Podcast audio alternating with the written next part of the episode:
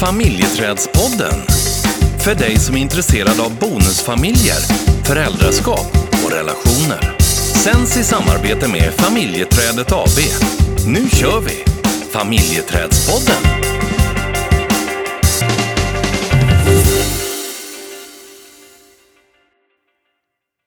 Vad säger du? Ehm, ska vi prata om det som inte är det perfekta? Om att vi ibland skär oss på skärvorna av splittret från en kärnfamilj. om bonusfamiljens utmaningar. Om gränssättningens svåra dilemma. Eller om svartsjukan som slår hårt i magen. Eller om skammen över våra känslor om känslan av att vara gäst i sitt eget hem eller om rädslan över att inte räcka till.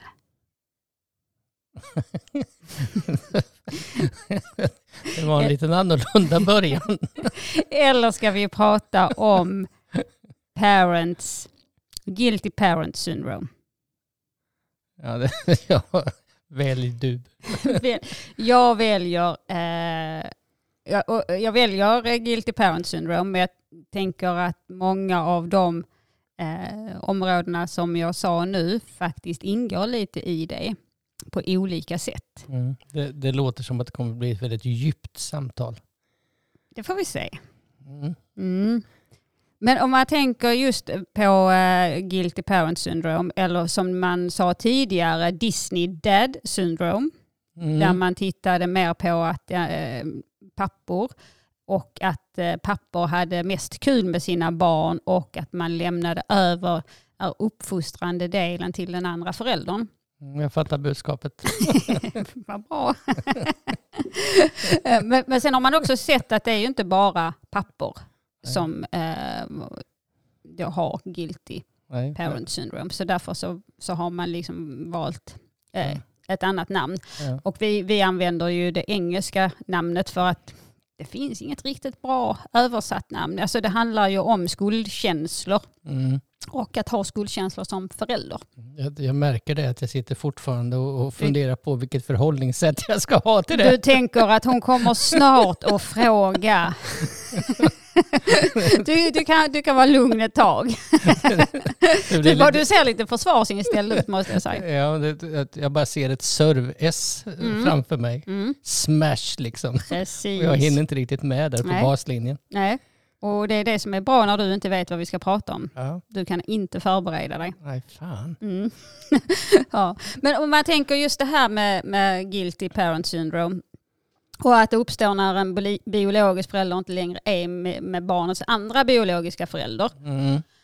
Uh, och det är ju ganska vanligt i en bonusfamilj. Ja, precis. Det är väl typ alltid, skulle man kunna säga. Uh, men att det, det påverkar ju, för att man kan ju ha skuldkänslor för att ens barn kommer från ett, en separerad familj. Mm.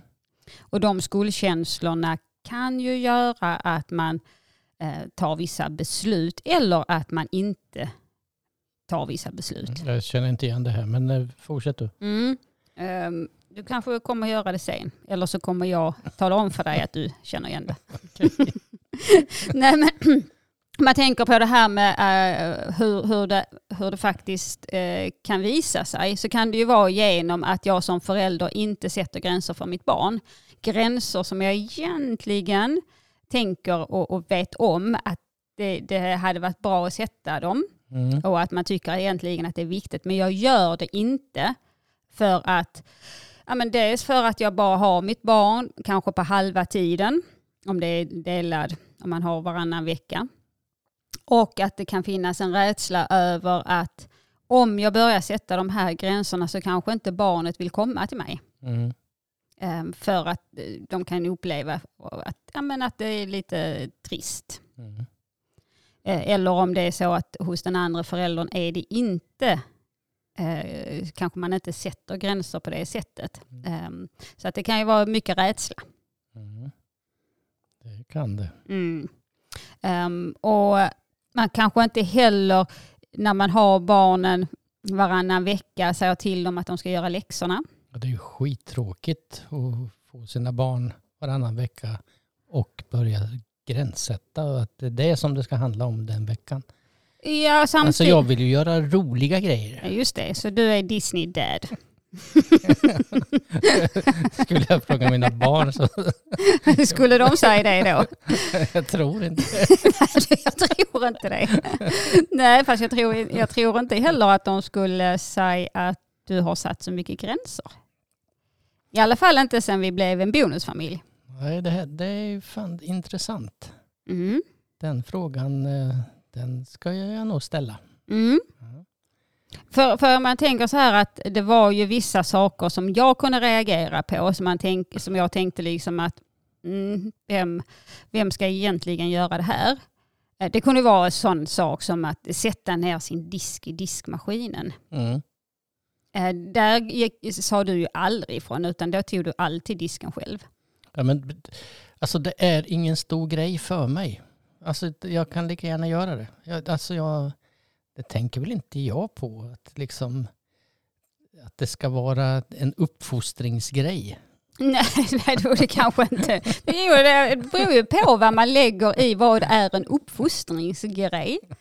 Vad, ja. vad vill jag att mitt barn ska bära med sig? Ja, men kan det inte vara så att man fastnar i de här frågorna för att det är så liksom enkelt att bråka om de här sakerna?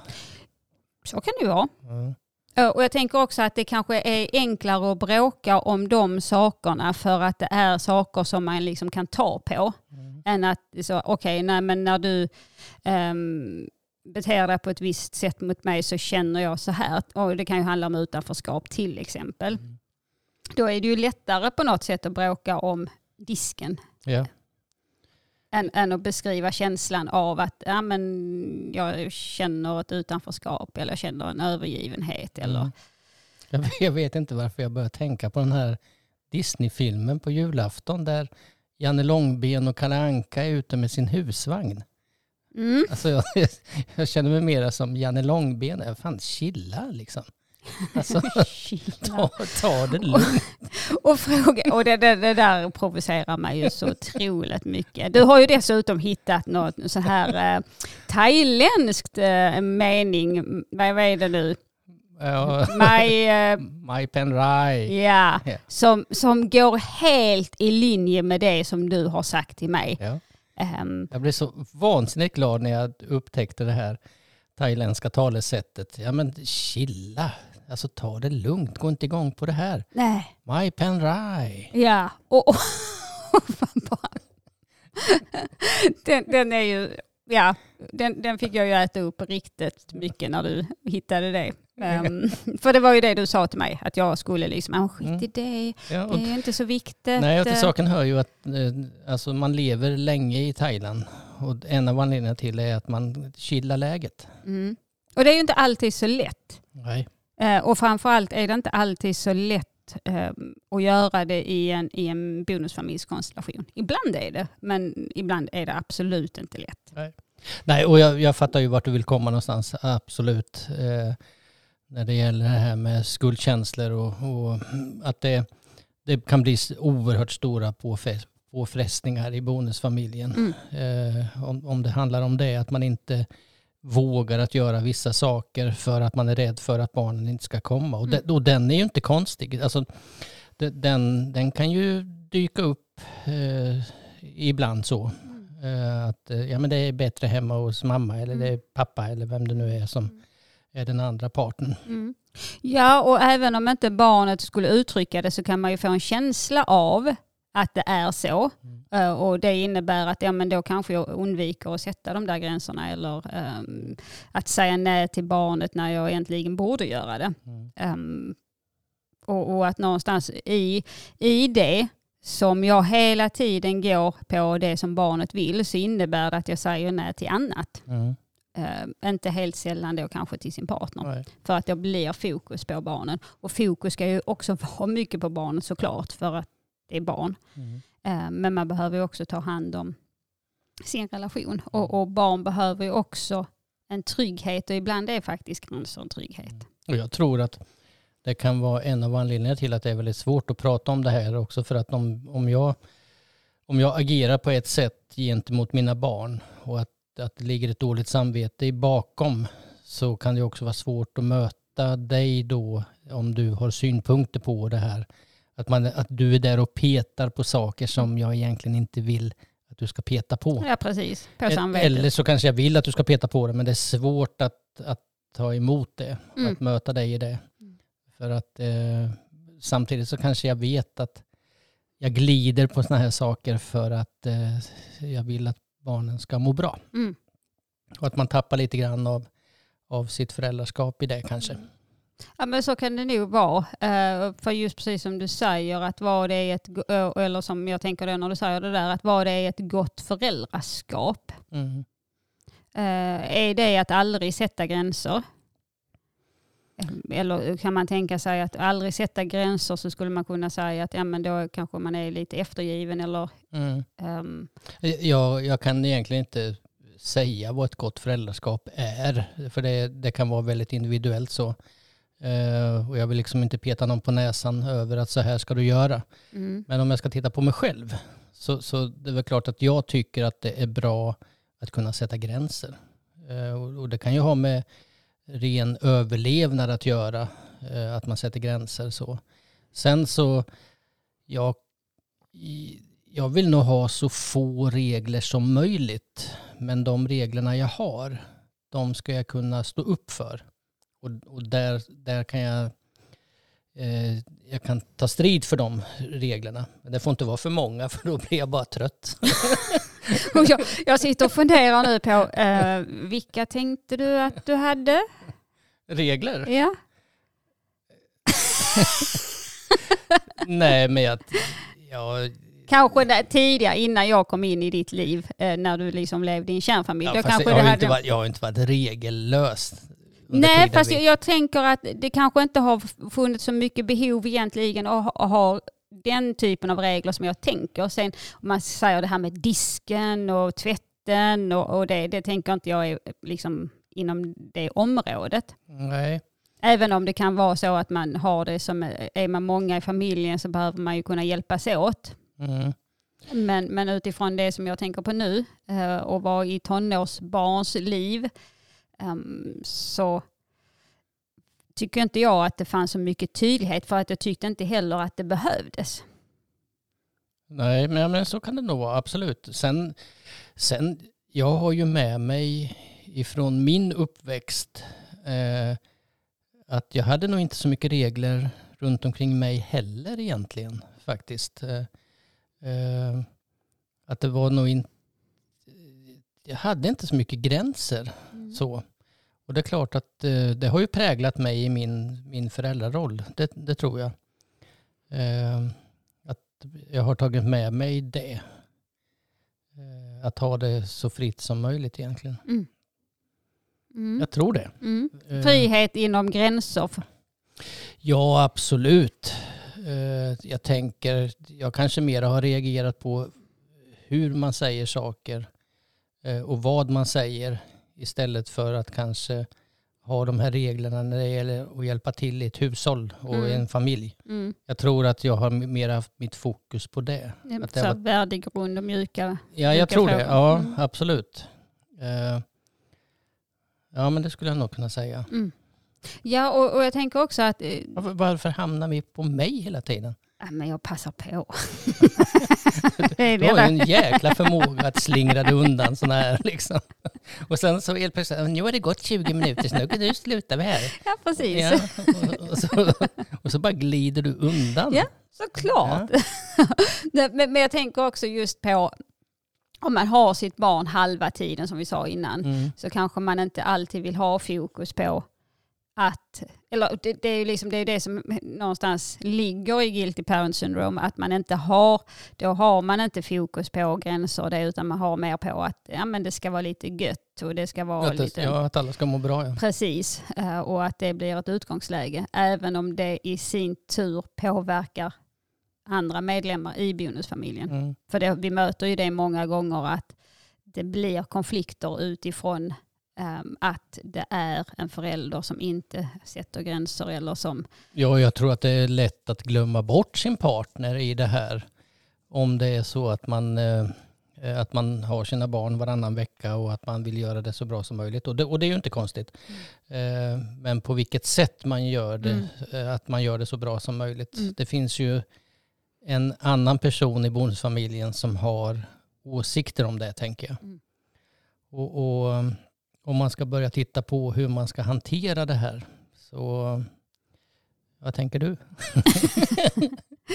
Nej, men, men det som, som jag tänker det är att någonstans att eh, kanske försöka, även om det inte är lätt alla gånger, men att försöka sätta sig in i, i, liksom i sin partners situation. Att det är inte eh, så lätt att alltid sätta de här gränserna om det finns också en rädsla eller att man känner att mm, ja, jag har inte mitt barn på 100 procent och att då det, blir, det kan bli Mm. svårt att, att fokusera på det för att då kommer barnet och så ska man börja liksom med det här.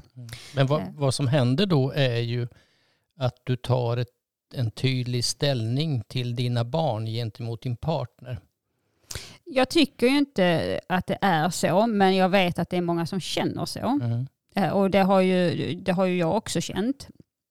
Så att, eh, men, men det handlar ju egentligen inte om att man tar ställning, men jag tänker att det viktiga är ju egentligen att börja prata om hur vill vi ha det i vår bonusfamilj? Vad är viktigt? Mm. För att om man, alltså om man bor tillsammans så påverkar det ju också, alltså det påverkar ju alla i familjen. Mm. Och har, kommer man då in med barn ifrån två olika relation, tidigare relationer och det är någon som inte sätter gränser och så vill man sätta gränserna själv och, och liksom, ja, men, så uppfostrar man på olika sätt. Det är klart att det skapar Mm. eh, splittring i, i bonusfamiljen, Mm. eller kan göra. Mm.